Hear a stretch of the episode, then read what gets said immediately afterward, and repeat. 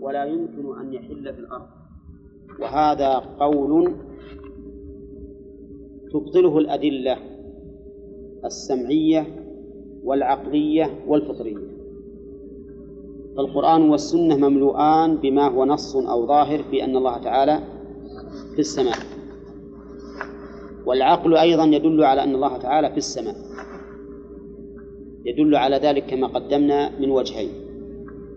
الوجه الأول أن العلو صفة كمال ولا صفة نقص؟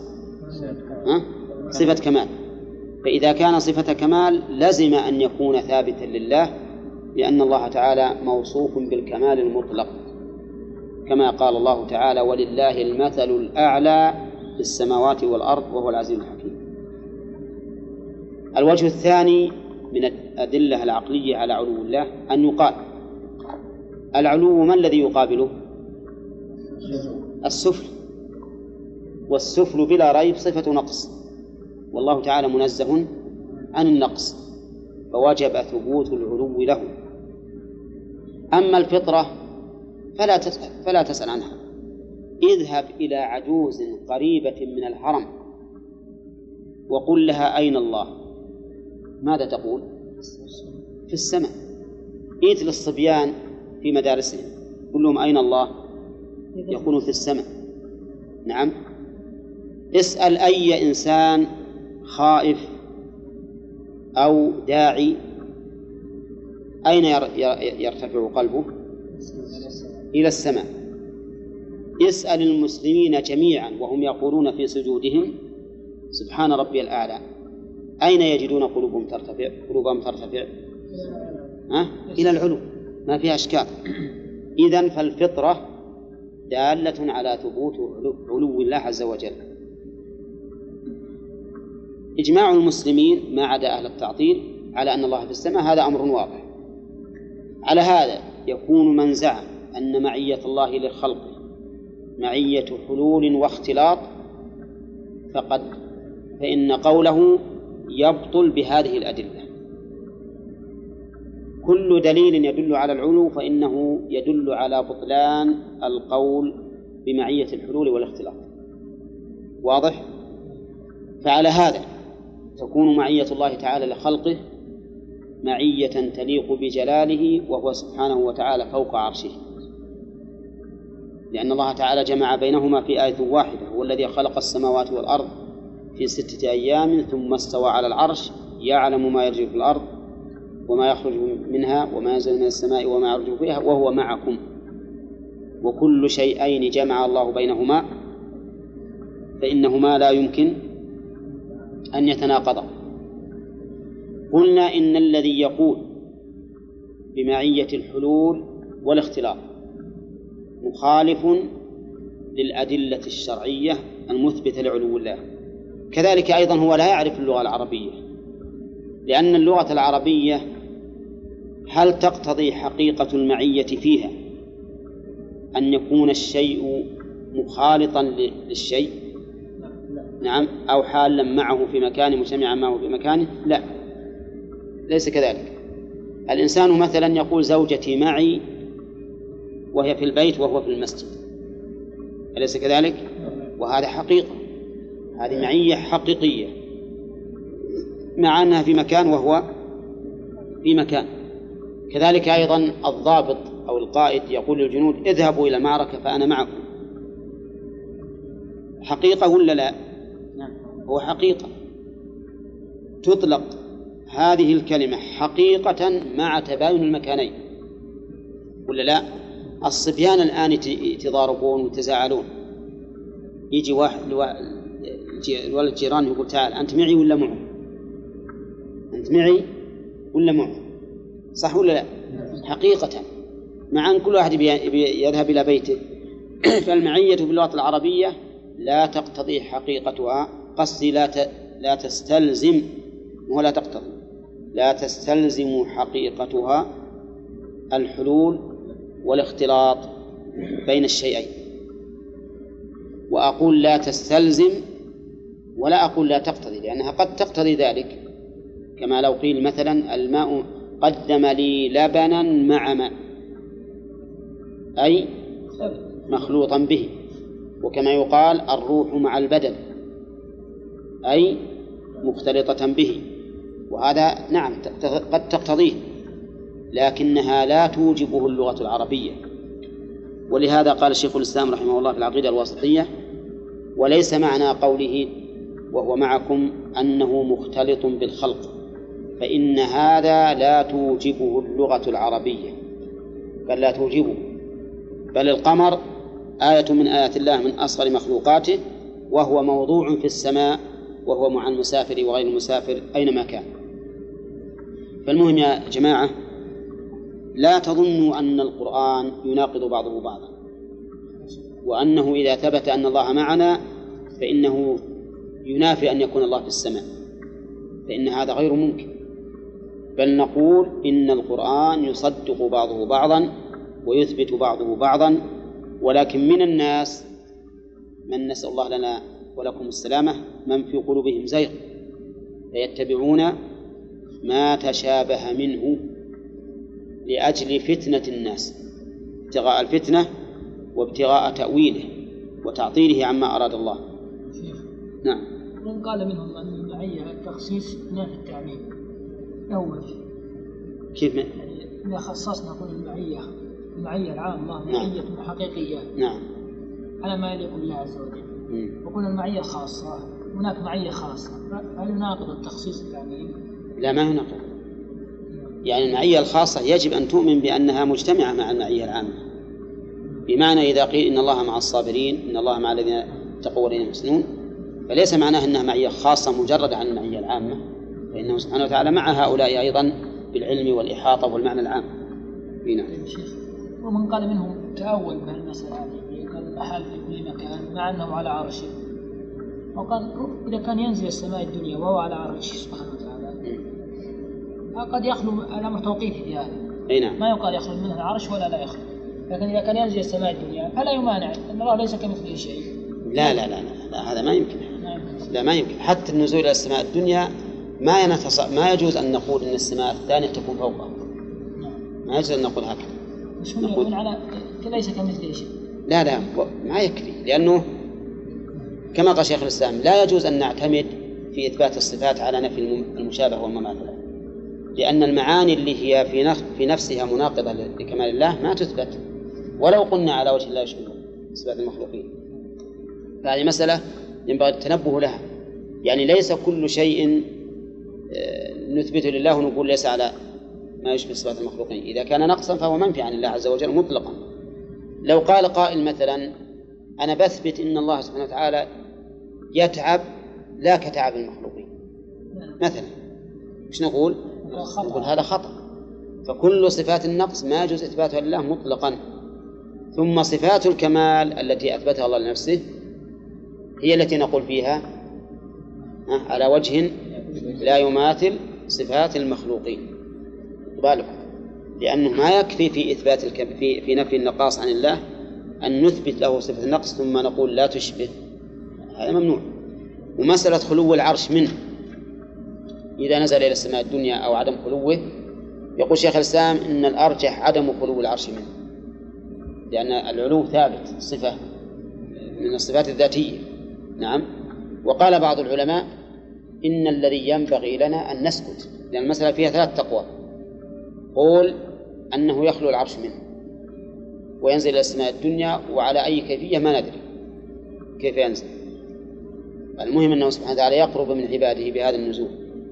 والقول الثاني يقولون إنه ينزل ولا يخلو منه العرش والله على كل شيء قدير ولا ندري كيفيته والقول الثالث التوقف التوقف عن هذا. نعرض عن هذا كله بألسنتنا وقلوبنا ونقول إن الله ينزل وهو سبحانه وتعالى يفعل ما يشاء. نعم لأن الصحابة رضي الله عنهم ما أوردوا على النبي عليه الصلاة والسلام هذا السؤال هل يخلو منه العرش أو لا يخلو؟ فما دام ما أوردوه فإنه ينبغي أن لا نريده نحن على أنفسنا ولا على غيرنا. وهذا قول فيه سلامة هذا قول فيه سلامة ولكن الشيخ الإسلام يرى أن يقول أن الأكثر على أنه لا يخلو منه العرش لأن الله تعالى ليس كمثله شيء. نعم. قال اصبروا إن الله مع الصابرين. واستعينوا بالصبر والصلاة إن الله مع الصابرين. ولا تقولوا لمن يقتل في سبيل الله أموات لا ناهية. وتقول فعل مضارع مجزوم بلا الناهية أولى وعلى جزم حذف النون والواو فاعل. لمن يقتل أي في من يقتل. لأن المقتول ما يقال له شيء قد قتل. لكن المعنى في من يقتل في سبيل الله. الله كما أرسلنا فيكم رسولا كما أرسلنا فيكم رسولا منكم. يتلو يعلمكم ما لم تكونوا تعلمون استفاد من هذه الآية الكريمة بيان نعمة الله سبحانه وتعالى علينا بإرسال الرسول. وقبل أن نتكلم على هذا أحب من إخواننا الذين يحضرون إذا كانوا يريدون الانتظام أنهم يتابعوننا ويأتون بالكتب المقررة. يعني مو يجي الواحد كمستمع الواحد كمستمع لا شك أنه يستفيد. لكن ليس كطالب يأتي بالدروس معه ويناقش ويعلق. نعم. أنا أعتبر اللي يأتي بس يحضر أعتبره مستمعا وليس طالبا. ولهذا ما يشعر بأنه جاء يتلقى تلقيا كاملا. فأنا أحب أن الإنسان يحرص. لما كنا في الطلب الإنسان منا ما يأتي إلا بكتاب. إما نشتريه ولا نستعيره. المهم ما يأتي الواحد مثلا بيديه فقط. ونحن على المستوى اللي عليه الأولون. يحضر الواحد ويلقي قصيدة مئة بيت وينصرف الناس كلهم حفظوها. نحن على المستوى هذا. حتى نقول نكتفي بأن الواحد يأتي بيديه فقط. فأنا أرجو من الإنسان اللي بينتظم إن شاء الله أنه يحرص لدور الكتب اللي إحنا نقرأ يدورها ويحضرها. نعم. هنا آه نرجع لاستنباط الفوائد. قال قال الله تعالى كما أرسلنا فيكم أقول يستفاد من هذه الآيات الكريمة بيان نعمة الله علينا بإرسال الرسول صلى الله عليه وسلم. كما أرسلنا فيكم. لأن هذه الآية متعلقة بقوله ولأتم نعمتي عليكم. فإن هذا من تمام النعمة. ومنها أن كون الرسول منا فيه زيادة فائدة لأنه أقرب إلى التصديق مما لو كان أجنبيا. ولهذا ما بعث الله نبيا إلا في قومه إلا رجلا واحدا فقط بعثه الله في قومه وفي غير قومه وهو ها؟ لا محمد على العموم الناس. كل الناس قوم.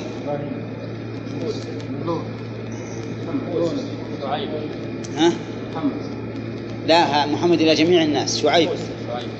شعيب أرسل إلى قومه وإلى أصحاب الأيكة. ما هو واحد ها؟ أصحاب الأيكة ما هو واحد. ها؟ قوم وأصحاب الأيكة ما هو واحد. لا لا. قبيلتين طائفتين من فوائد الآية أن النبي صلى الله عليه وسلم لم يقصر في البلاغ وأنه بلغ جميع ما أوحي إليه لقوله يتلو عليكم آياتنا. يتلو عليكم آيات الصك اللي عندك يتلو عليكم آياتنا. فإن هذا يدل على أن جميع الآيات التي أوحاها الله إليه قد تلاها. ومنها أن من فوائد الرسالة النبي عليه الصلاة والسلام حصول العلم لأن هذه الآيات كلها علم. كلها علم لقوله يتلو عليكم آياتنا. ومن فوائدها أيضا أن الشريعة التي جاء بها النبي عليه الصلاة والسلام كلها تزكية للأمة وتنمية لأخلاقها ودعوة إلى الأخلاق الفاضلة. ولهذا كان من القواعد المقررة في الشريعة أنها تأتي بالمصالح الخالصة أو الراجحة وتنهى عن المفاسد الخالصة مش بعد؟ أو الراجحة. الشريعة تأتي بالمصالح الخالصة اللي ما فيها مفاسد إطلاقا أو الراجحة فيما إذا اشتمل الفعل على مصلحة ومفسدة لكن مصلحته أرجح. وتنهى عن المفاسد الخالصة مش بعد؟ أو الراجحة. الخمر فيه مصالح ومفاسد لكن مفاسده راجحة. فلذلك حرم. فلهذا حرم. الحجر على السفيه فيه مصالح وفيه مفاسد. لكن ها؟ مصالحه راجحة. فلذلك قدم قدمت المصالح. أو مصالح خالصة ما فيها مفاسد كعبادة الله مثلا. هذه قاعدة الشريعة ولهذا قال ويزكيكم. ومن فوائد الآية أن كل ما فيه تزكية للنفوس فإن الشريعة قد جاءت به بقوله ويزكيكم. ومن فوائدها أن من وظيفة الرسول عليه الصلاة والسلام ومهمته التي جاء بها أنه يعلمنا الكتاب والحكمة. أولى الكتاب القرآن والحكمة قيل إنها السنة وقيل ما تتضمنه الشريعة من الأسرار والحكم. ومن فوائد الآية الرد على أهل التأويل وأهل التجهيل. أهل التأويل وأهل التجهيل. وش أهل التأويل والتجهيل؟ الظاهر غانم يدري عنهم تماما. ها؟ التأويل يأولون. أي نعم. اللي يأولون آيات الصفات. اللي يأولون آيات الصفات. لأننا نقول لهم لو كان هذا التأويل من العلم لإيش؟ لعلمنا إياه النبي عليه الصلاة والسلام. فلما لم يعلمنا إياه علمنا أنه ليس من العلم. الذي جاء الذي جاء به الرسول عليه الصلاة والسلام. وعلى أهل التجهيل رد على أهل التجهيل. من هم أهل التجهيل. أهل التجهيل طائفة يقولون إن الرسول صلى الله عليه وسلم وأصحابه والأمة كلها لا تعلم معاني آيات الصفات وأحاديثها. ما يدرون مش معناها. حتى النبي عليه الصلاة والسلام يتكلم بالحديث من صفات الله ولا يدري وش معناه يسمون هؤلاء أهل التجهيل. يقول مثلا النبي عليه الصلاة والسلام ما يدري وش معنى قوله الرحمن على العرش استوى. لو تسأل النبي صلى الله عليه وسلم وش معناه قال ما أدري. والرسول عليه الصلاة والسلام قال ينزل ربنا إلى السماء الدنيا حين يبقى ثلث الليل الآخر ولو سألته ما معنى ينزل لقال ها؟ لا أدري. هؤلاء يسمون أهل التجهيد أو أهل التجهيد هم يدعون ها؟ هم يعلمون؟ إيه يقول يقول هذا هو العلم.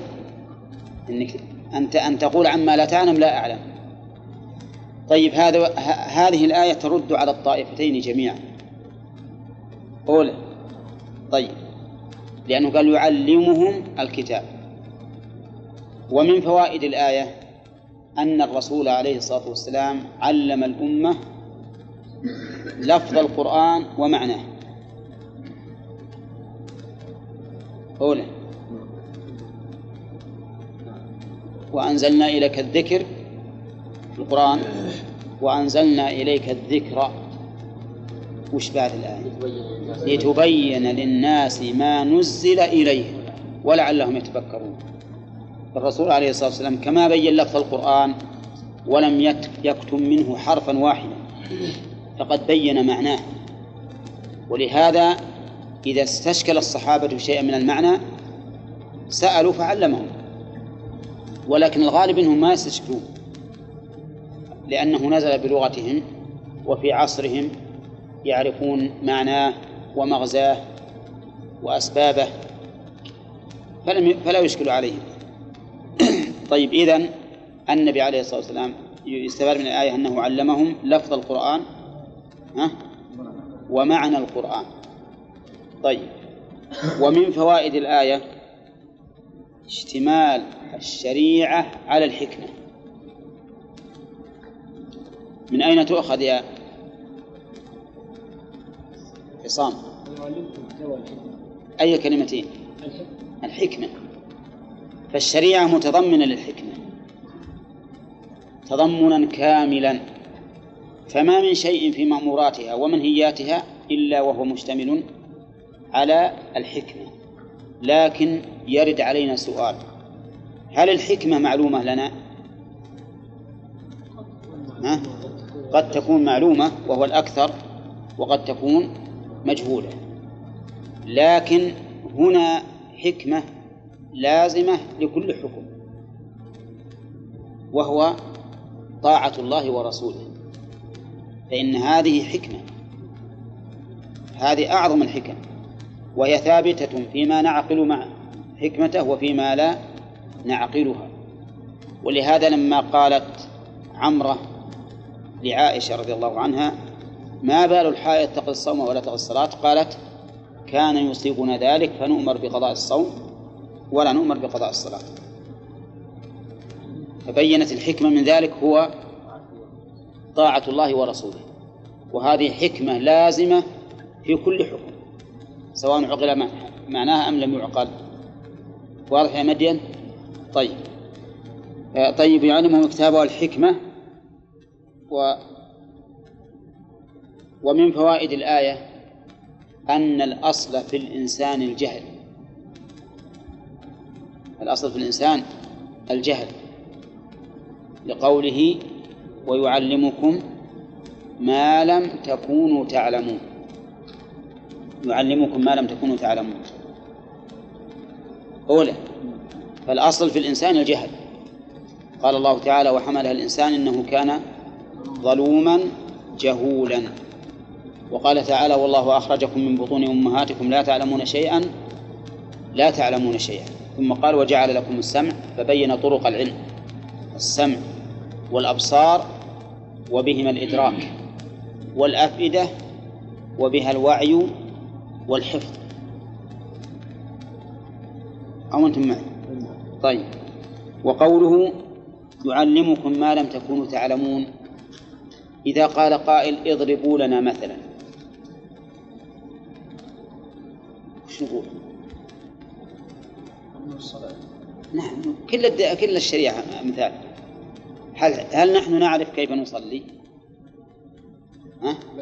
إلا إلا بتعليم الرسول صلى الله عليه وسلم ما يعرف الإنسان كيف يتوضأ ما يعرف ما الواجب في أمواله من الزكاة ولا يعرف من تصرف إليهم الزكاة هذه أحكام شرعية ما نعرفها وفي أحكام قدرية ما نعرفها أيضا علمنا إياها الرسول صلى الله عليه وسلم هل نحن نعلم أن الله خلق السماوات والأرض في ستة أيام ها؟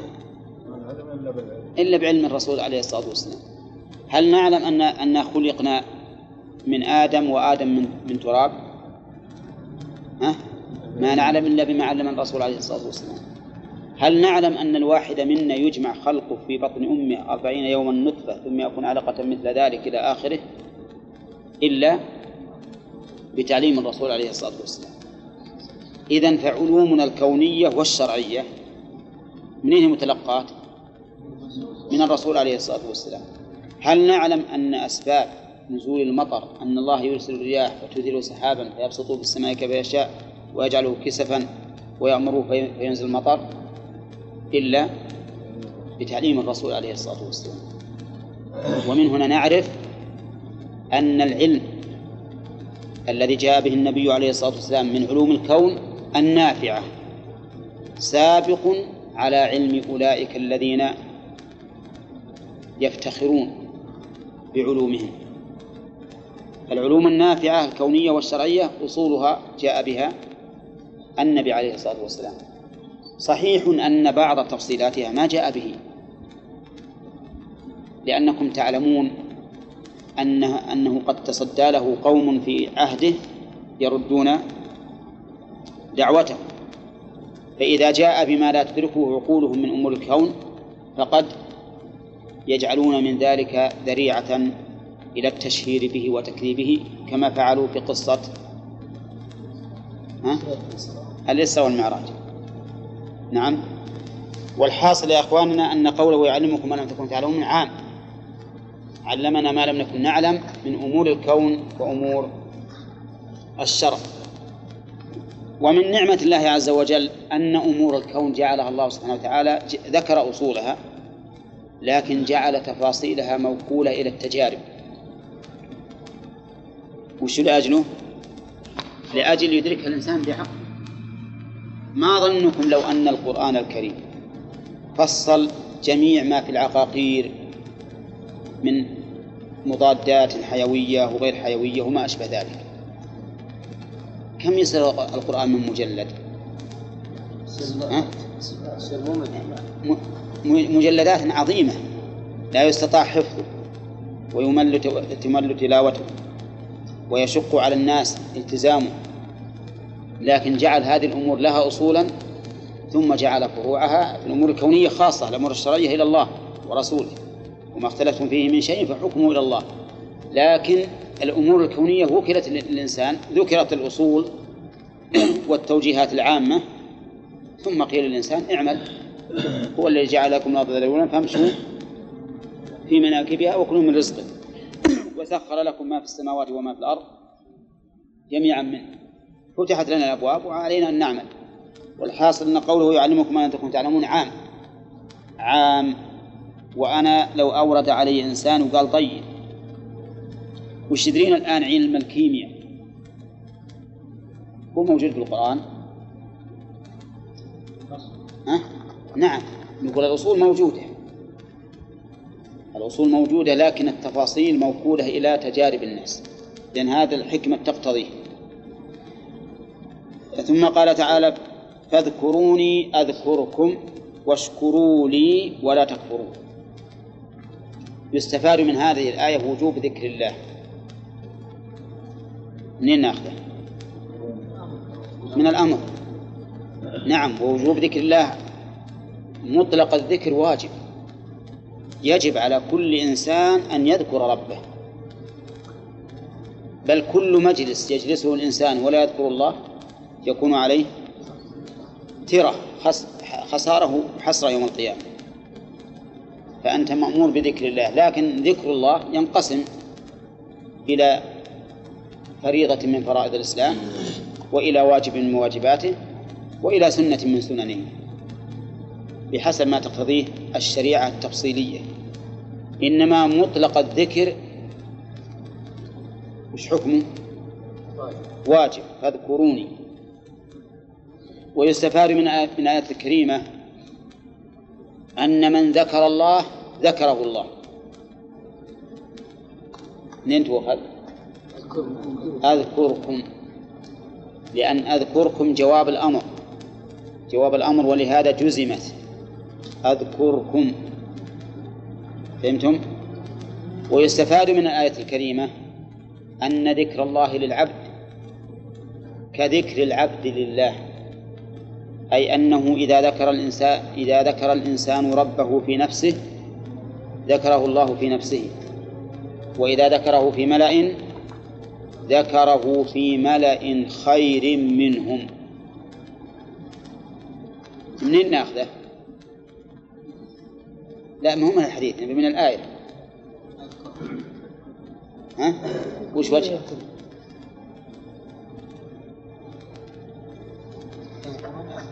إيه وش وجه أنه إنه إن ذكره في ملأ ذكره في ملأ خير منه؟ وإن ذكره في نفسه ذكره في, في نفسه. لا لا ما نبي الحديث نبي من الآية. لأن ذكر الله للعبد. أعظم من ذكر العبد. لا.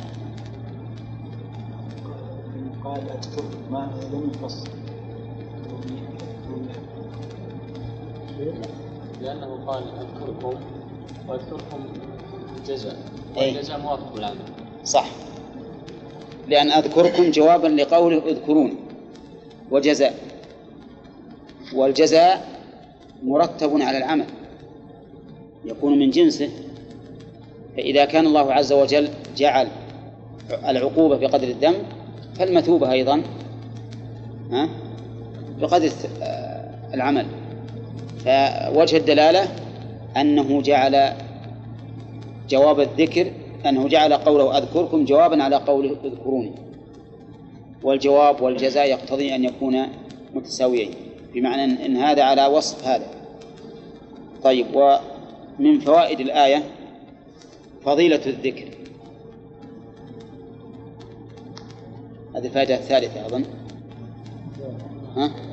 فضيلة الذكر لأن به يحصل ذكر الله للعبد وذكر الله للعبد هذا أمر يعني له شأن كبير شأن عظيم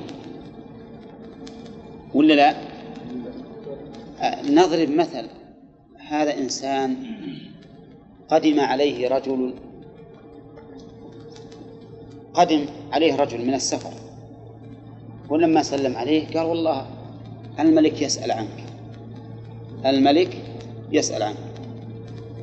وش يصير هذا اللي يقول له الملك يسأل عنك؟ وش يصير يفرح؟ ها؟ هو ما شاء الله تنتف خريته نعم يفرح. أنا أنا يذكر الملك طيب عاد ملك الملوك إذا ذكر وش يكون المنزلة؟ نعم أعظم وأعظم ما يخطر بالبال. ولهذا تكلمنا قبل يعني مرارا أنه ليس الشأن بأن تذكر الله أو بأن تحب الله ولكن الشأن ها؟ أن يذكرك الله. اللهم اذكرنا في من عندك. الشأن أن يذكرك الله عز وجل وأن يحبك الله. ولهذا قال تعالى قل إن كنتم تحبون الله فاتبعوني. نعم.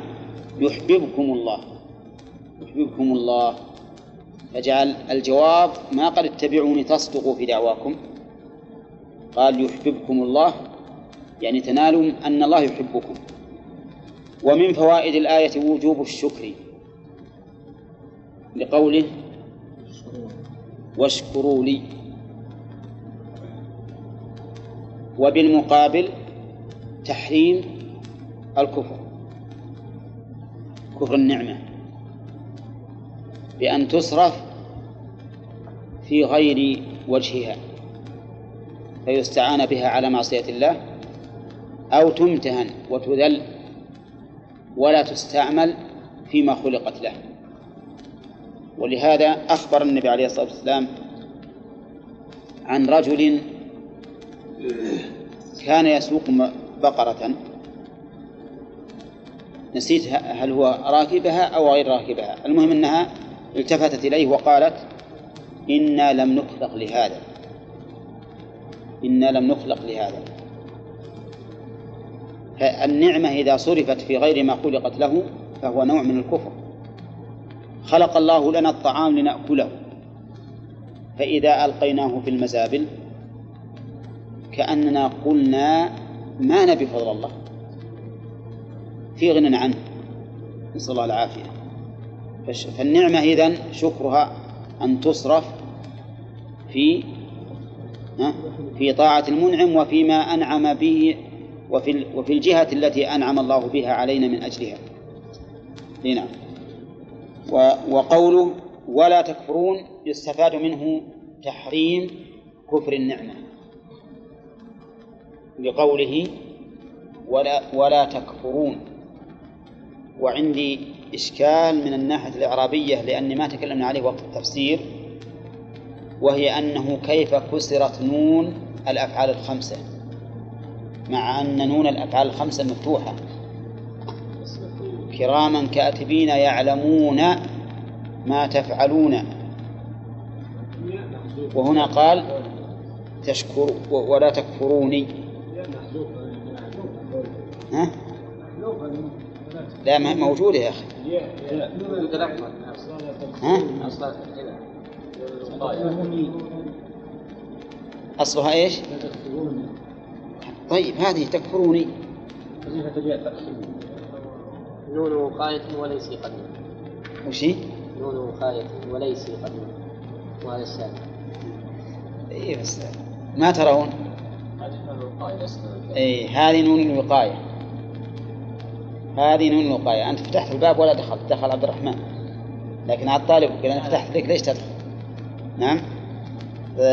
النون هذه للوقاية وليست نون الفعل يعني نون الرفع وأصلها لو لم تكن مجزومة هي هنا جزمت وحذفت النون للجزم. لو لم تجزم لكانت يا حسين تكفرونني. أولى نعم ولا لا؟ تكفرونني. لما جزمت حذفت النون. فصارت تكفروني. طيب وين الياء؟ لا. لا ما ها؟ حذفت لا للترخيم بل للتخفيف. حذفت للتخفيف. الترخيم في النداء فقط. طيب إذن الفعل هنا مجزوم. وعلامة جزمه حذف النون.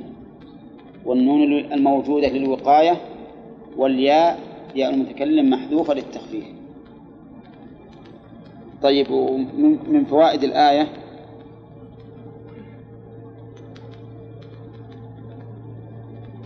وجوب ملاحظة الإخلاص. وجوب ملاحظة الإخلاص. من أين تؤخذ؟ ها؟ من قوله لي واشكروا لي. يعني مخلصين لله عز وجل. لأن الشكر طاعة والطاعة لا بد فيها من الإخلاص. فمن كان يرجو لقاء ربه فليعمل عملا صالحا ولا يشرك بعبادة ربه أحدا. نعم. الآية تقدم ما في أن القرآن كلام الله يدعو الله عليه نعم. فيها أن القرآن كلام الله لأنه أضافه إلى نفسه. نعم وقال يا أيها الذين آمنوا استعينوا بالصبر والصلاة إن الله مع الصابرين. يا أيها الذين آمنوا استعينوا بالصبر والصلاة. في هذا دليل على فضيلة الإيمان وأنه من أشرف أوصاف الإنسان. منين يؤخذ؟ من قوله يا أيها الذين آمنوا ولا شك أن الإيمان من أفضل أوصاف الإنسان وكذلك عبودية الله عز وجل ونسأل الله أن يجعلنا وإياكم من عباده الصالحين من أشرف أوصاف الإنسان أولى ولهذا يقول الشاعر في معشوقته يقول لا تدعني إلا بيا عبدها فإنه أشرف أسمائي. يقول لا تقول لي يا محمد يا علي يا خالد قل يا عبد فلان. فإنه أشرف أسمائه نعم. ولهذا وصف الله نبيه محمدا صلى الله عليه وسلم بالعبودية في أشرف المقامات. عند الرسالة وعند التحدي وعند النصرة المهم في المقامات الشريفة. ومن فوائد الآية الإرشاد إلى الاستعانة بالصلاة. لقوله استعينوا بالصبر والصلاة. ومن فوائد الآية بيان آثار الصلاة الحميدة. وأن من آثارها الحميدة أنها تعين على الأمور. أنها تعين على الأمور. ومن فوائد الآية جواز الاستعانة بغير الله فيما يكون عونا فيه. نعم. لقوله استعينوا بالصبر والصلاة. فاستعانة العبادة لله عز وجل والاستعانة بما يكون سببا للعون سببا صحيحا للعون هي جائزة أيضا. ولهذا قال النبي عليه الصلاة والسلام وتعين الرجل في دابته تحمله عليها أو ترفع له عليها متاعه صدقة. ومنها أيضا من فوائد الآية أن الاستعانة بالصلاة من مقتضيات الإيمان. لقوله يا أيها الذين آمنوا استعينوا. فإن توجيه الخطاب للمؤمنين يدل على أن هذا من مقتضى الإيمان. مثل أن تقول يا رجل انتبه. المعنى أن من صفات الرجولة ها؟ أو من مقتضيات الرجولة الانتباه. وتقول يا كريم أعط المسكين. من مقتضى الكرم إعطاء المساكين. فمن مقتضى الإيمان أن الإنسان إذا حصل عليه ضيق أن يستعين بالصلاة. ومن فوائد الآية فضيلة الصبر. أولى لأنه يعين على الأمور. والصبر ثقيل على النفس. ثقيل جدا. لأنه مثلا تجد الإنسان إذا أصابه شيء أو ضيق وده بس يتحرك. لكن عندما يطمئن نفسه وصبرها يصبر والعاقبة للمتقين. ولهذا قال تعالى قال للنبي عليه الصلاة والسلام تلك من أنباء الغيب نوحيها إليك ما كنت تعلمها أنت ولا قومك من قبل هذا. ها؟ فاصبر. إن العاقبة للمتقين. ما قال فاشكر؟ مع أن هذا علم. تلاه الله إليه عليه لكن قال فاصبر. ليش قال فاصبر وهو علم؟ يستحق الشكر. هذا إشارة إلى أن هذا الوحي الذي نزل على الرسول صلى الله عليه وسلم يحتاج إلى صبر وتحمل لأنه سيجد من ينازع ويضاد. ونظيرها قوله تعالى إنا نحن نزلنا عليك القرآن تنزيلا بعده فاصبر لحكم ربك ولا تطع منهم آثما أو كفورا. فستجد معارضة وممانعة عظيمة ولكن لا تطع آثما ولا كفورا. واضح يا جماعة؟ إذن الصبر شاق على النفوس لكن يجب على الإنسان يصبر. لو قالت له نفسه الأمارة بالسوء والعجلة لو قالت افعل تخلص لا أصبر. ولهذا من لم يوفق للصبر فاته خير كثير. والذي يصبر أيضا غالبا ينتظر الفرج. الغالب أن اللي يصبر ولا سيما بإخلاص وحسنية فإنه ينتظر الفرج وانتظار الفرج. عبادة وباب للفرج. لقول النبي عليه الصلاة والسلام واعلم أن الصبر مع أن النصر مع الصبر وأن الفرج مع الكرب. مثلا رجل أصيب بحادثة في ماله. تعب تعبا عظيم نفسيا لكنه الصبر ينتظر الفرج. فما أسرع الفرج. إنسان مثلا آذاه شخص. آذاه. إما بماله أو بعرضه أو بأهله. المهم أنه آذاه. فتجد يصبر ويتحمل وينتظر الفرج. فيحصل له. واضح؟ فإذا الصبر من أكبر الأسباب على العون على الأمور الشاقة. ولهذا يقولون إن الصبر مفتاح الفرج. والنبي عليه الصلاة والسلام ما جعله مفتاح الفرج جعل الكرب مفتاح الفرج. ولكن جعل الصبر مفتاح النصر وهو أعظم من الفرج. لأن الفرج زوال مكروه فقط لكن النصر حصول مطلوب وهو أعلى. فقول الرسول عليه الصلاة والسلام النصر مع الصبر أعظم من قول بعضهم الصبر مفتاح الفرج. نعم. طيب إذن الصبر واجب ولا ولا لا؟ نقول الاستعانة به على الأمور أرشد الله إليها. وهو واجب في دفع المصائب. يجب أن تصبر على المصائب. وقد سبق لنا أن مقام الص... أن مقام الإنسان عند المصائب له مقامات كم؟ كم مقامات الإنسان عند المصائب؟ ها؟ أو أربع ها؟ أربعة ابدأوا باللي تعرفونه الأول ها؟ لا لا لا لا. هذه مواضع الصبر. لكن مقامات الإنسان عند المصائب عند المصيبة خاصة. له مقامات. له مقامات أربع. أربعة. جزع وصبر ورضا وشكر.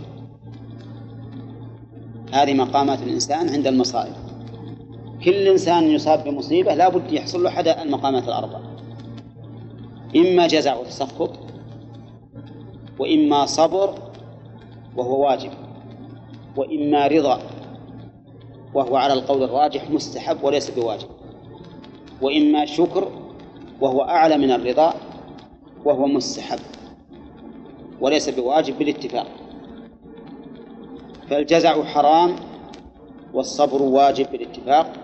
والرضا واجب على قول ومستحب على القول الراجح والشكر مستحب بالاتفاق فيما أعلم والشكر آه نعم الشكر مستحب الله وهو معهم إذ يبيتون ما لا يرضى من القول.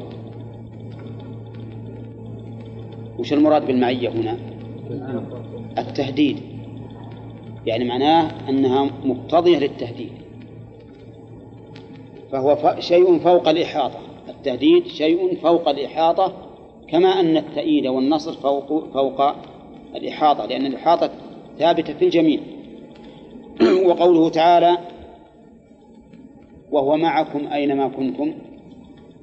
هذه معية الإحاطة والعلم والقدرة والسلطان وغير ذلك من معاني ربوبيته.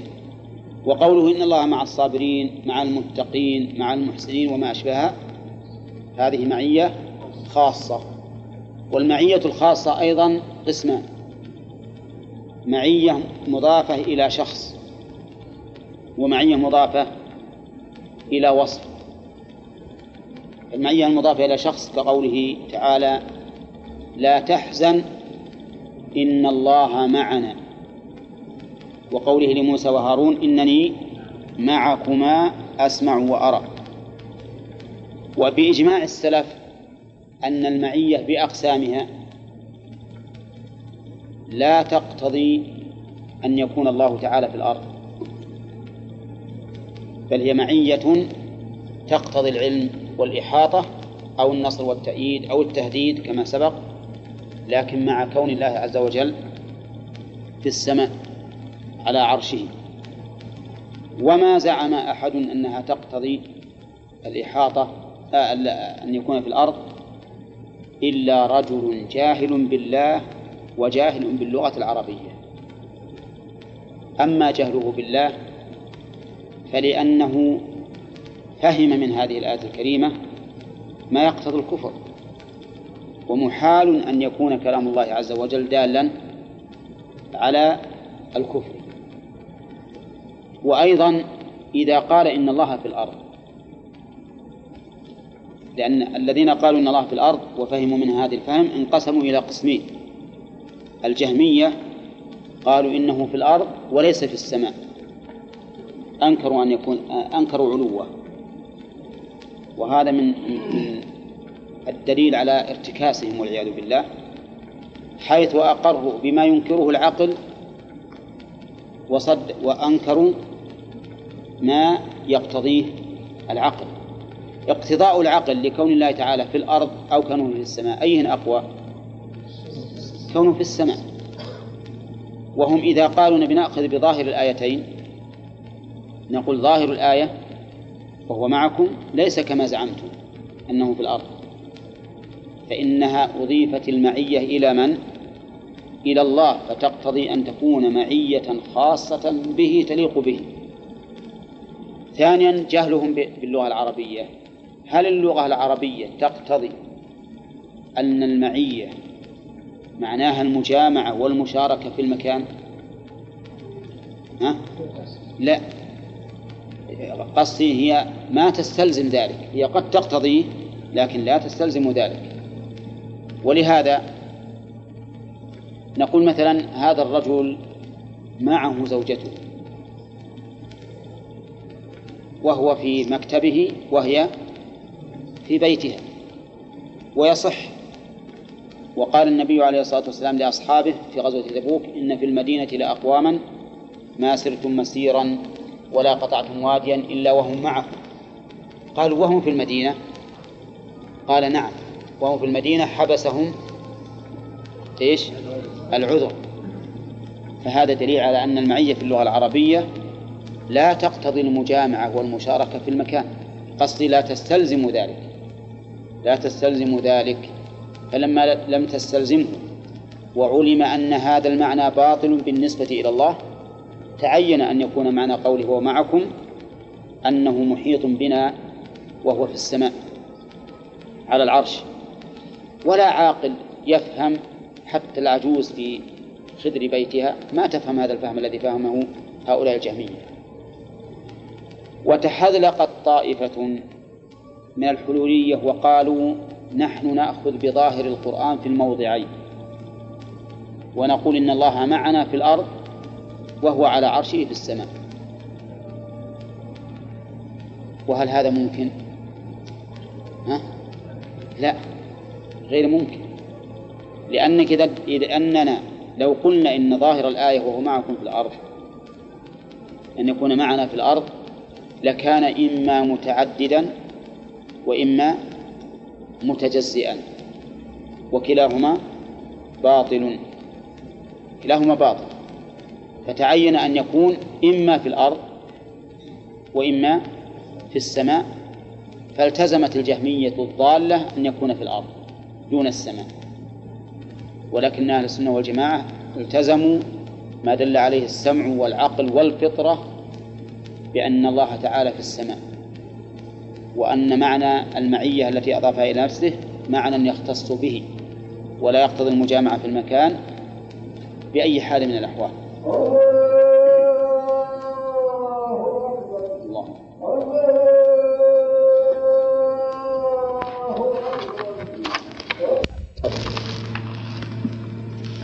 وأنه درجة ينبغي للإنسان ملازمتها. لقوله لا. لقوله إن الله مع الصابرين. فإن الإنسان مهما إذا علم أن الله معه لا شك أنه سوف ينشط على هذا هذا المقام ويحرص عليه. ليس كما إذا لم يعلم بذلك. إذا علمت أن الله معك لا شك أنك سوف تبقى على هذه المرتبة وتحرص عليها. وكون الإنسان يكون الله تعالى معه مسددا له ومؤيدا له ومصبرا له لا شك أن هذه درجة عالية كل يريدها. الآن الصبيان بعضهم مع بعض. إذا واحد غاضب الثاني ثم رأوا ثالثا يقول الواحد منهما ها؟ أنت معي ولا معي إذا قال أنا معك يفرح. نعم؟ ولهذا لما جاء النبي عليه الصلاة والسلام إلى قوم يتناضلون قال أرموا بني إسماعيل فإن أباكم كان راميا وأنا مع بني فلان. وش سووا الجماعة الآخرين؟ قالوا يا رسول الله إذا كنت معهم خلاص ما ما ما, ما نناضل فقال أرموا وأنا معكم كلكم. عليه الصلاة والسلام. فإذا علم الإنسان الصابر أن الله معه يسدده ويؤيده ويصبره علم أنه سيفتح له باب النصر وأنه آه، سوف يزيل عنه هذا الأمر الذي اقتضى أن يتحمل الصبر. وقد قيل الصبر مثل اسمه. كمل يا غانم.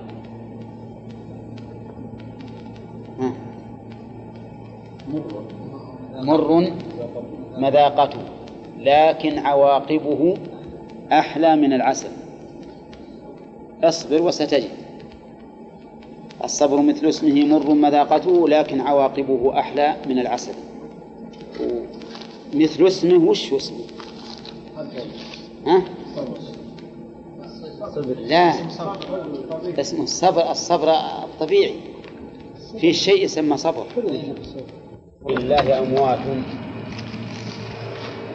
لا هذه ناهية. ولا تقولوا ناهية. ولهذا جزمت الفعل. والدليل على جزمه؟ حذف النون. ولا تقولوا لمن يقتل في سبيل الله. لمن؟ أي في من والنهي هنا عن القول يشمل القول باللسان والقول بالقلب. إيش سك هذه يا علي؟ ها اصبر اصبر. عشان هذه اصبر اصبر يعني. يشمل القول بالقلب والقول باللسان. أما القول باللسان فأن يقول إنهم ماتوا. والقول بالقلب أن يعتقد أنهم ماتوا. فهمتم؟ وقوله لمن يقتل لمن يقتل في سبيل الله. والمقتول في سبيل الله هو الذي قتل من أجل أنه يقاتل لتكون كلمة الله هي العليا. والناس يختلفون في القتال أي في الباعث لهم عليه. منهم من يكون الباعث له عليه الحمية. على قومه كقتال العرب. لأن العرب يقاتلون حمية يصرحون بذلك يقولون إننا نقاتل للعروبة وبهذا يبطلون ما يحصل لهم من الشهادة. لأن الرسول صلى الله عليه وسلم قال من قاتل لتكون كلمة الله العليا فهو في سبيل الله. ولو أنهم قالوا بدلا من أن نقاتل من أجل العروبة نقاتل من أجل الإسلام وحماية بلاد الإسلام لكانوا يقاتلون في سبيل الله طيب يقاتل الإنسان شجاعة وش معنى شجاعة؟ يعني هو إنسان شجاع يحب القتال فيقاتل من أجل ذلك فهل هو في سبيل الله؟ لا يقاتل ليرى مكانه ويعرف أنه بارز شجاع هذا أيضا ليس في سبيل الله. ما في ليس في سبيل الله إلا من قاتل لتكون كلمة الله العليا. فالذي يقتل في سبيل الله أي في في طريقه وهو دينه أي من أجل هذا الدين وإعلائه. هذا لا تقولوا أموات. وقوله أموات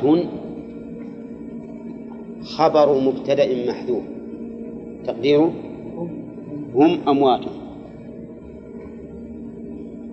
والنهي هنا قد يقول الإنسان إنه مشكل. كيف لا نقول أموات وهم ماتوا؟ فنقول إن المراد هنا لا تقول أموات موتا مطلقا دون الموت اللي هو مفارقة الروح للجسم فهذا موجود. ولولا أن أرواحهم فارقت أجسادهم لما دفناهم ولكانوا باقين يأكلون ويشربون. لكن الموت المطلق لا. بدليل الإضراب الإبطالي في قوله بل أحياء يعني بل هم أحياء. فأحياء يا خبر خبر مبتدأ محذوف. بل أحياء جمع حي عند ربهم. بل أحياء عند ربهم عند الله. لأنها الله فضلك أرواحهم في أجواف طير خضر. ها؟ أي بل أحياء. ولكن لا تشعرون.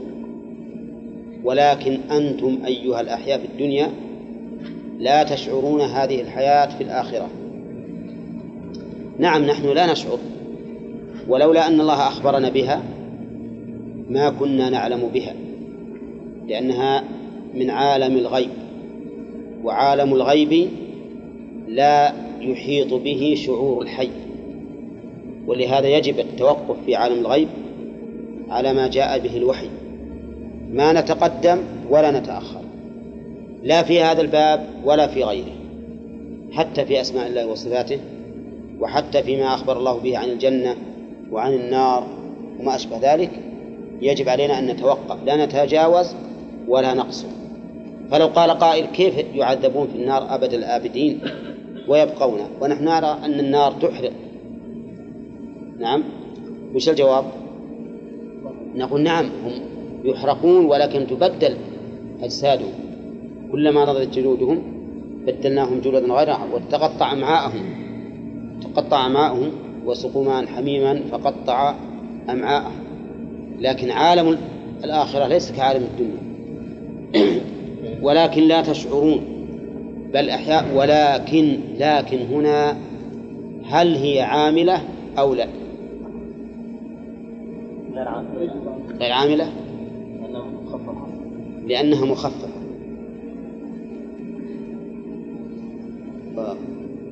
وإذا خففت لكن لم تعمل. هل على ذلك شاهد من كلام ابن مالك؟ نعم. خفت إن فقلنا أي إن. هذه من أخواتها إيه لكن هذه لكن. خفت لكن فنوي. وخففت كأن أيضا. كأن. أي. نعم. فنوي. ها؟ ما, لا لازم لازم نذكرها كيف؟ الله يهديك معكم الآن متن؟ ناظر شيخ؟ نعم. هل في فرق القتال في سبيل الله؟ إذا نوى هل في فرق في دعم العدو لبلاده أو في زيارة لا فرق بين المهاجم والمدافع. ها؟ لا فرق بين المهاجم والمدافع. في سبيل الله اللي يروح اللي يزور العدو في ها؟ هذا كيف ولا- يزور العدو؟ شلون يزور العدو؟ ها؟ وأوشكت بأن لا ها؟ وأوشكت بأن لا بإن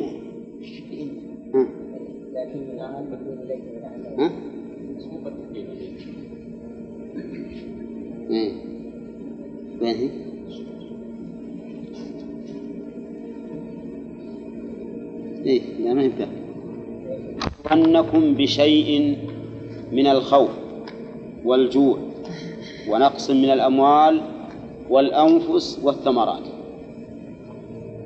هذه عدة أشياء مصائب أربع أولا قال ولا نبلونكم. والجملة هنا مؤكدة بثلاثة مؤكدات وهي القام القسم واللام والنون نون التوكيد. والفعل هنا مع نون التوكيد مبني على الفتح ولا لا؟ ها؟ وين آخر الفعل؟ الواو أصله نبلو فلما اتصلت بها نون التوكيد فتحت فتح الفتح ولنبلونكم وهذا قسم من الله عز وجل مؤكد ونبلو بمعنى نختبر وقول نبلونكم بشيء من الخوف. الخوف هو الذعر وهو شامل للخوف العام والخوف الخاص. الخوف العام كأن تكون البلاد مهددة بعدو والخوف الخاص كأن يكون الإنسان يبتلى بنفسه بمن يخيفه ويروعه وهذا حاصل وهذا حاصل أيضا. وقول من الخوف والجوع. الجوع ضد الشبع. والجوع له سببان. السبب الأول قلة الطعام. والسبب الثاني قلة المال الذي يحصل به الطعام. فهمتم؟ هناك سبب ثالث أيضا وهو المرض الذي يتعذر معه الشبع. يكون المال كثيرا والطعام كثيرا لكن يأكل ولا يشبع. هذا أيضا من البلاء. هذا من البلاء. والجوع لا يدرك أثره إلا من جربه. بل كل المصائب ما ما تدرك إلا لمن جربها. أما من لم يجرب فإنه لا يدري. وهو له شأن عظيم وكبير. وإذا أردت أن تعرفه فأنت في الصيام في الأيام الطويلة تجد نفسك نعم إذا جعت متألما متكلفا خاويا مع أنك ترجو أنك تفطر يعني ترجو أو تعلم علم اليقين أن هذا الجوع سيزول. كيف عاد بالجوع الذي يكون ابتلاء؟ ونقص من الأموال والأنفس والثمرات. نقص من الأموال. الأموال التي للتجارة كالمكاسب. والأنفس هل يشمل المواشي وشبهها؟ أو نقول إن المواشي أنفس لكنها داخلة في المال. داخلة في المال. فيكون الأنفس هنا أنفس الآدميين البشر. والثمرات نعم الثمرات هي ثمرات النخيل والأعناب وغيرها وهذا يقع أيضا. تأتي كوارث نسأل الله السلامة والعافية تجترف الأناسية والمواشي. والثمار والأموال وتأتي عواصف كذلك لكنها عند الكثير من الناس ظواهر طبيعية. لا تحرك لهم ضميرا ولا تفزع لهم شعورا والعياذ بالله. ما يرونها شيئا. يقول هذه كوارث طبيعية وهذه مسألة يعني جانبها الأمر العادة. وهذا خطأ عظيم. هذا خطأ. يجب أن نجعل هذه الأشياء من الابتلاء الذي يبتلى الله به العباد. هذا الابتلاء بالنسبة لمن وقع عليه ظاهر جدا وبالنسبة لمن لم يقع عليه وسمع به ظاهر أيضا لأنه يختبر من لم يصبه هل يتعظ ويعتبر أو لا. أليس كذلك؟ لأن المصاب بهذا الشيء ما في شك أنه مبتلى. لكن السالم منه مبتلى أيضا لأنه يجعله عظة وعبرة. كما قال الله تعالى في القرية التي كانوا قردة خاسئين قال فجعلناها نكالا لما بين يديها وما خلفها.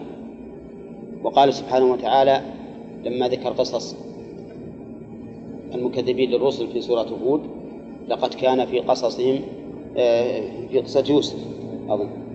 لقد كان في قصصهم عبرة لأولي الألباب.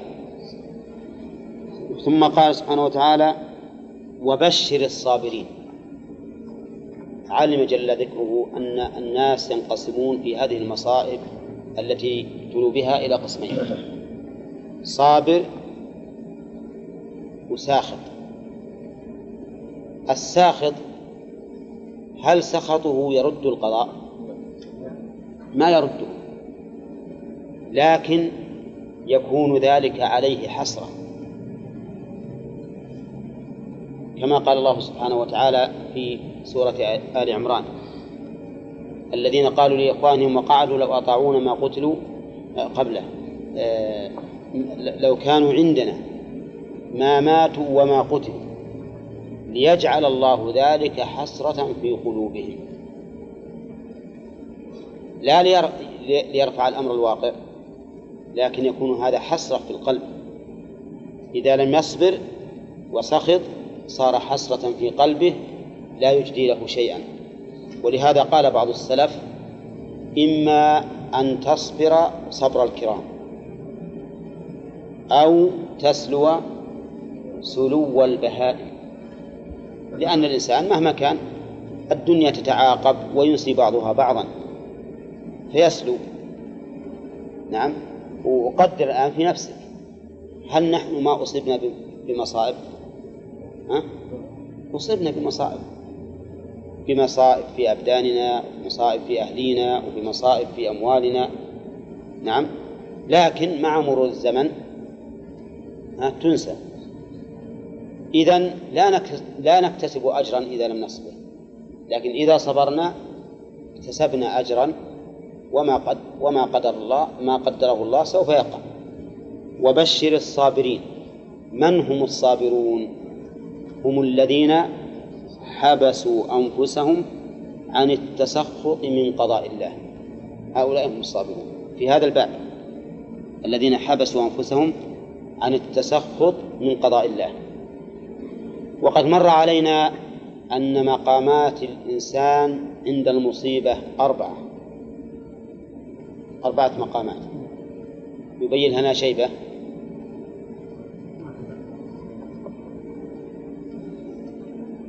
نعم. السخط الصبر ثم الرضا ثم الشكر نعم. أربع مقامات. التسخط ثم الصبر ثم الرضا ثم الشكر. التسخط محرم. أولى. ولهذا تبرأ النبي عليه الصلاة والسلام ممن تسخط. قال ليس منا من ضرب الخدود وشق الجيوب ودعا بدعوى الجاهلية. الصبر واجب لأن الله تعالى أمر به في آيات كثيرة. والأصل في الأمر ما هو الوجوب ولأنه لا معنى لعدم التسخط إلا الصبر.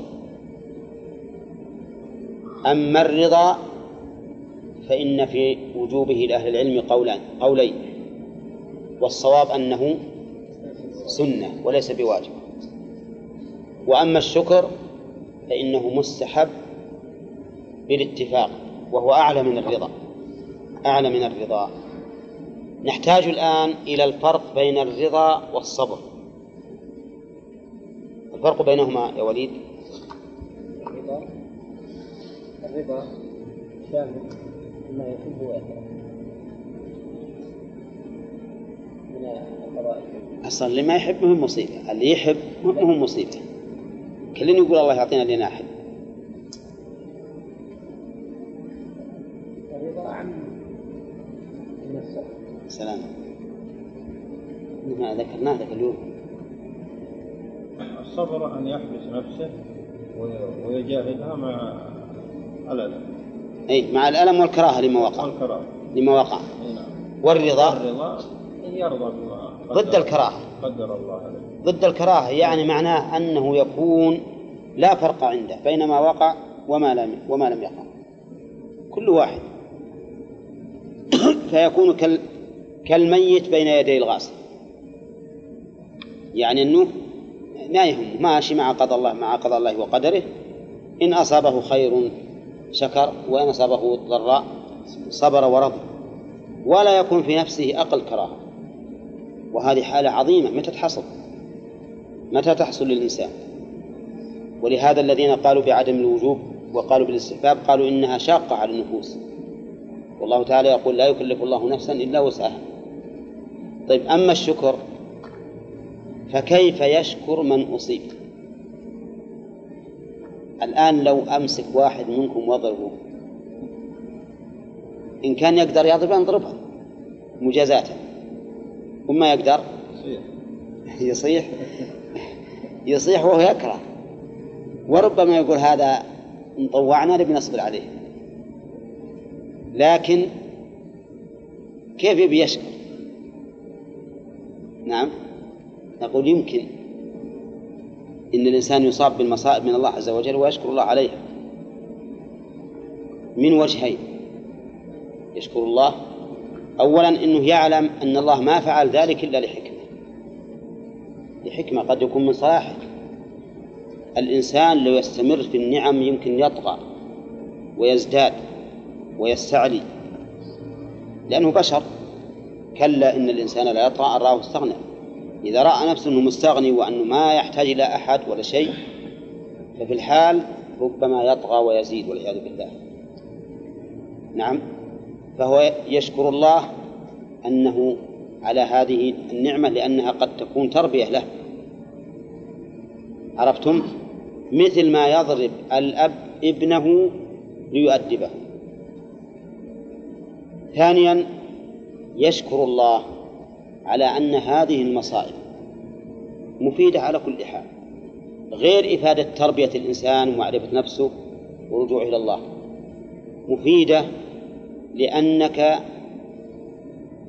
إن صبرت إن صبر يعني إن صبرت أثبت ثواب الصابرين إن صبرت أثبت ثواب الصابرين وإلا إذا إذا إذا لم ترضى أو تشكر فإنك يكفر بها عنك كما أخبر بها النبي عليه الصلاة والسلام. إنه يكفر بها عن الإنسان. إذا يشكر الله على هذا الأمر؟ نعم يشكر الله على هذا الأمر. يشكر الله على هذا الأمر. هذا وجه كون الإنسان يشكر من المصائب. الذين إذا أصابتهم مصيبة شف قالوا إنا لله وإنا إليه راجعون. إذا أصابتهم مصيبة وتحقق وقوعها فيهم قالوا إنا لله. اللام وشيله للملك. يعني إنا ملك لله والمملوك يفعل فيه المالك ما شاء. فإذا كنا ملكا لله فهو سبحانه وتعالى ربنا يفعل بنا ما شاء. أوجدنا وأمدنا وأعدنا وإذا شاء منعنا فله الأمر كله. نحن إلى الله نحن لله. ثم مع ذلك بإقرارهم بالملك بأنهم مملوكون لله يرجون ثوابه. ولهذا يقولون وإنا إليه راجعون. فنرجو الذي أصابنا بهذه المصيبة عند رجوعنا إليه أن يجزينا بأفضل منها فهم جمعوا هنا بين الإقرار بالربوبية في قولهم إنا لله وبين الإقرار والإيمان بالجزاء بالجزاء الذي يستلزم العمل الصالح. لأنهم يقولون إنا لله وإنا إليه راجعون.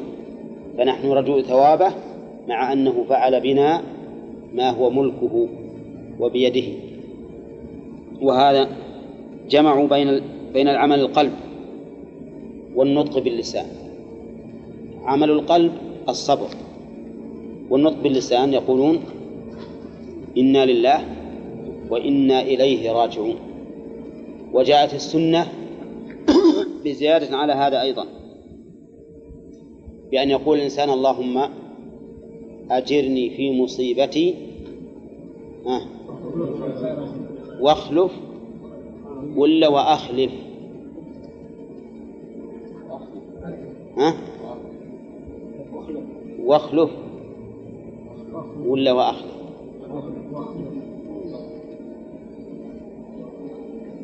أخلف. أخلف لي خيرا منها من الرباعي لأنه من الثلاثي معناه أن الشيء خلف غيره. نعم مثل قول الرسول عليه الصلاة والسلام واخلفه في عقبه أي يكون خليفة له لكن أخلف أي اجعل له خلفا منه.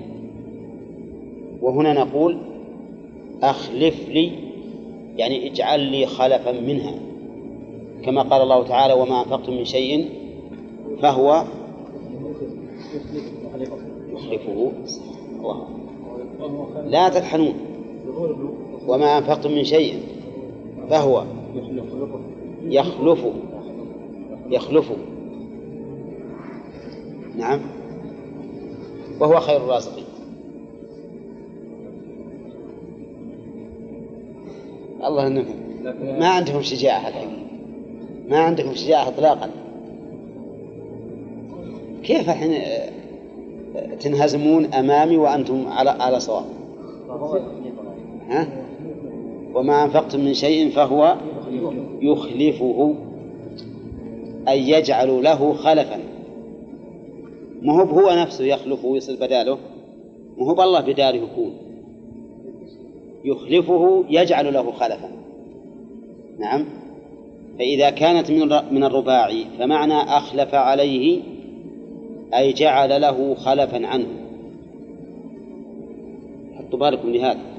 أما إذا كانت من الثلاثي خلفه فهو نفسه صار خلف. عرفتم؟ طيب هنا اللهم أجرني في مصيبتي. ها؟ وأخلف لي خيرا منها. يعني اجعل لي خلفا خيرا منها. فإذا نقول ما أرشد الله إليه إنا لله وإنا إليه راجعون. اللهم أجرنا في مصيبتنا وأخلف لنا خيرا منها.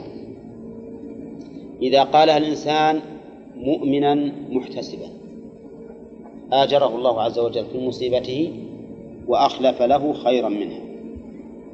والشاهد في هذا قصة أم سلمة رضي الله عنها. كانت تحب ابن عمها ابن عمها أبا سلمة محبة شديدة. ولما مات وكان النبي عليه الصلاة والسلام قد حدثها في هذا الحديث. قالت اللهم أجرني في مصيبتي وأخلف لي خيرا منها. فكانت تفكر بنفسها تقول من هو اللي بيصير خلفا عن أبي عن أبي سلمة؟ هي مؤمنة بأنه سيوجد خلف خير منه. لكن من هو اللي بيصير. ما كان يجول في فكرها أن الرسول عليه الصلاة والسلام سيكون. وسبحان الله من كان خلفا؟ ها؟ النبي عليه الصلاة والسلام. أخلف الله لها خيرا منها. ودعاء النبي عليه الصلاة والسلام له عند موته رضي الله عنه. قال اللهم اغفر لأبي سلمة وارفع درجته في المهديين وافسح له في قبره ونور له فيه وأخلفه في عقبه. لا غلط. واخلفه في عقبه. واخلفه في عقبه. لا. واخلفه في عقبه. إيه يعني كن خلفا. طيب ما الذي حصل؟ خلفه في عقبه أفضل خليفة. من؟ النبي عليه الصلاة والسلام. النبي عليه الصلاة والسلام وبقية الأدعية نرجو أنها أجيبت لأن الله عز وجل كريم جواد. نعم. البلايا هذه الذين إذا صبروا. هل نقول من الصبر الواجب أو من الرضا؟ لا هذا من الصبر الواجب. طيب قوله إنا لله وين خبر إنا؟ ها؟ وش التقدير؟ إن صائرون لله ها؟ وإنا إليه راجعون اللي بعده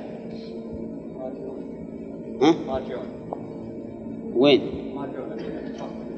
الخبر راجعون نقول الجار لله إيه؟ نعم تستقيم. إيه؟ هذا هو الخبر الخبر وين؟ لله كائن يسأل نعم الجملة هذه جملة هذه جملة. الجار والمجرور هو الخبر. إن لله هو الخبر. لكن هل إنه هو الخبر نفسه؟ ولا متعلق بمحذوف تقديره كائنين. في الخلاف على قولين وأما وإنا إليه راجعون فخبر إن قوله راجعون. لا قوله راجعون. وإليه متعلقة براجعون. وقدمت على راجعون. لإفادة الحصر. هذا من الناحية المعنوية. ولمناسبة ال- الآية من الناحية اللفظية. ما يحتاج من إيه في الأخيرة. لا ما حاجة. وقوله أولئك عليهم صلوات من ربهم. أولئك. الإشارة هنا بإشارة البعيد لعلو مرتبتهم رضي الله عنهم وجعلنا منهم. أولئك أي المتصفون بهذه الصفات أولئك عليهم صلوات من ربهم. عليهم خبر مقدم وصلوات مبتدا مؤخر. صح؟ أولئك. ها؟ أولئك. إيه؟ أولئك. طيب. وعليهم صلوات عليهم خبر مقدم وصلوات مبتدأ مؤخر. لا. عليهم صلوات مبتدأتان إيه طيب. وعليهم؟ عليهم خبر مبتدأ مقدم. مقدم. إيه. إذا عليهم خبر مقدم وصلوات مبتدأ مؤخر لكنه مبتدأ ثاني. والجملة من المبتدأ والثاني وخبره في محل رفع خبر المبتدأ الأول. عليهم صلوات من ربهم ورحمة. الصلوات اختلف العلماء في معناها ولكن أصح الأقوال فيها أن المراد بها الثناء عليهم بالملأ الأعلى. فالمعنى أن الله يثني على هؤلاء في الملأ الأعلى رفعا لذكرهم وإعلاء لشأنهم. نعم. وقوله ورحمة رحمة عطفها على الصلوات يدل على أنها مغايرة ويدل على ضعف من قال إن الصلاة من الراء من الله بمعنى الرحمة. وقوله ورحمة يعني يزول يحصل لهم بها المطلوب لأن الرحمة إما حصول مطلوب وإما زوال مكروه. فهنا الرحمة تشمل الأمرين. زوال المكروه وحصول المحبوب وقوله وأولئك هم المهتدون. هذه جملة اسمية مفيد مسوقة على سبيل الحصر. ما طريق الحصر هنا؟ ها؟ لا لا الإشارة هي طريق الحصر. ضمير الفصل هم المهتدون. وأولئك هي الصابرون. الذين يقولون ما ذكر هم المهتدون الذين اهتدوا إلى طريق الحق ووضعوه في نصابه فإن هذا الكلام الذي يقولونه مع الصبر هو الهداية. عكس هؤلاء الذين لا يصبرون على المصائب لا بقلوبهم ولا بألسنتهم ولا بجوارحهم مهتدون ولا ضالون؟ ضالون. ولهذا جعل النبي عليه الصلاة والسلام جعل ذلك من أعمال الكفر. فقال اثنتان في الناس هما بهم كفر الطعن في النسب والنياحة على الميت. والنياحة عنوان على عدم الصبر فدل ذلك على أن الهداية في الصبر وتسليم الأمر إلى الله عز وجل وانتظار ثوابه واحتسابه. وقول أولئك هم مهتدون ثم قال إن الصفا والمروة من شعائر الله ها؟ كيف؟ نقف على هذا إيه وش نسوي فوائد عشان نخلص من الثمن مرة عشان نسمع طيب ما يخالف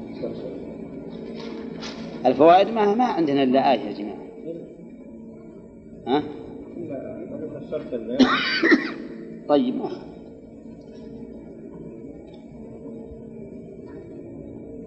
من فوائد الآية الكريمة قوله تعالى ولا ولا تقولوا لمن يقتل في سبيل الله أموات بل أحياء ولكن لا تشعرون. أولا تحريم إطلاق الموت على الشهداء. لقوله ولا تقولوا لمن يقتل في سبيل الله أموات وعلم من قولنا إطلاق أنه إذا أريد بذلك الموت الذي هو مفارقة الروح للجسد فهو ها؟ صحيح. ولهذا يقولون دائما مات شهيدا. مات شهيدا. فيقيدون هذا الموت. ما يطلقونه؟ يعني هم لا يدرون نية هذا الذي مات. هل صح هم يقولون شهيدا؟ يعني كل واحد يقول. أما بالنسبة لا بالنسبة للصحابة. نقول مات شهيدا.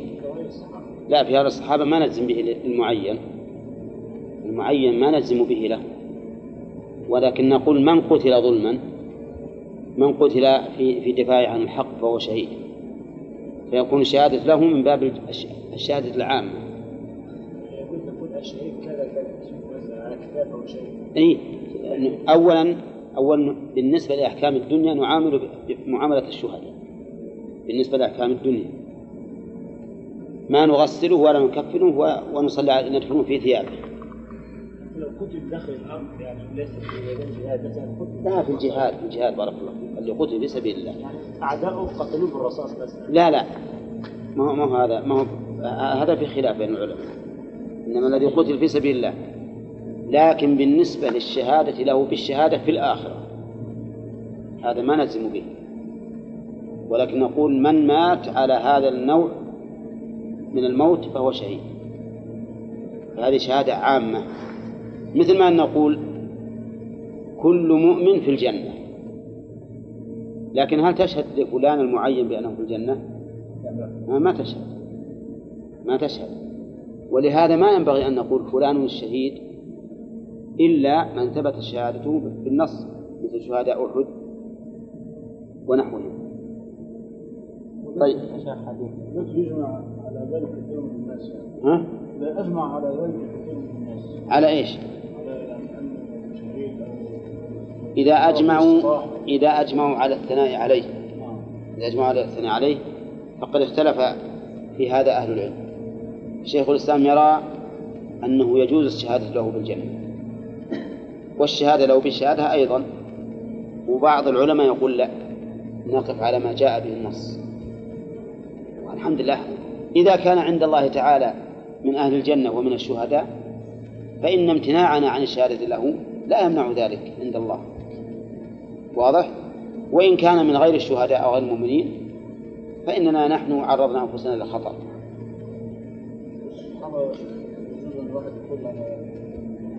أي واحد من مات شهيدا ها؟ يجوز يعني اللي قتلوا في سبيل الله. الصحابه إيه؟ لأن شهداء أحد ثبت هذا اللفظ. عهد النبي عهد النبي عليه الصلاة والسلام وأقره الله إيه؟ وقال النبي صلى الله عليه وسلم لا قالوا في الجنة قالوا إيه، شهيد ولا في الجنة ها؟ قالوا هنيئا عمر قال الخطاب إيه لكن هل قال شهيد ولا في الجنة؟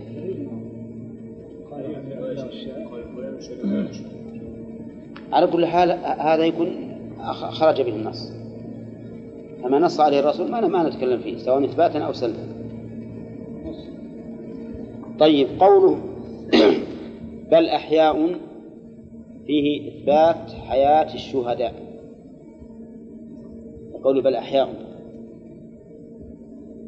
ويرد على هذا القول أو على هذه الفائدة السؤال هل هذه كحياة الدنيا.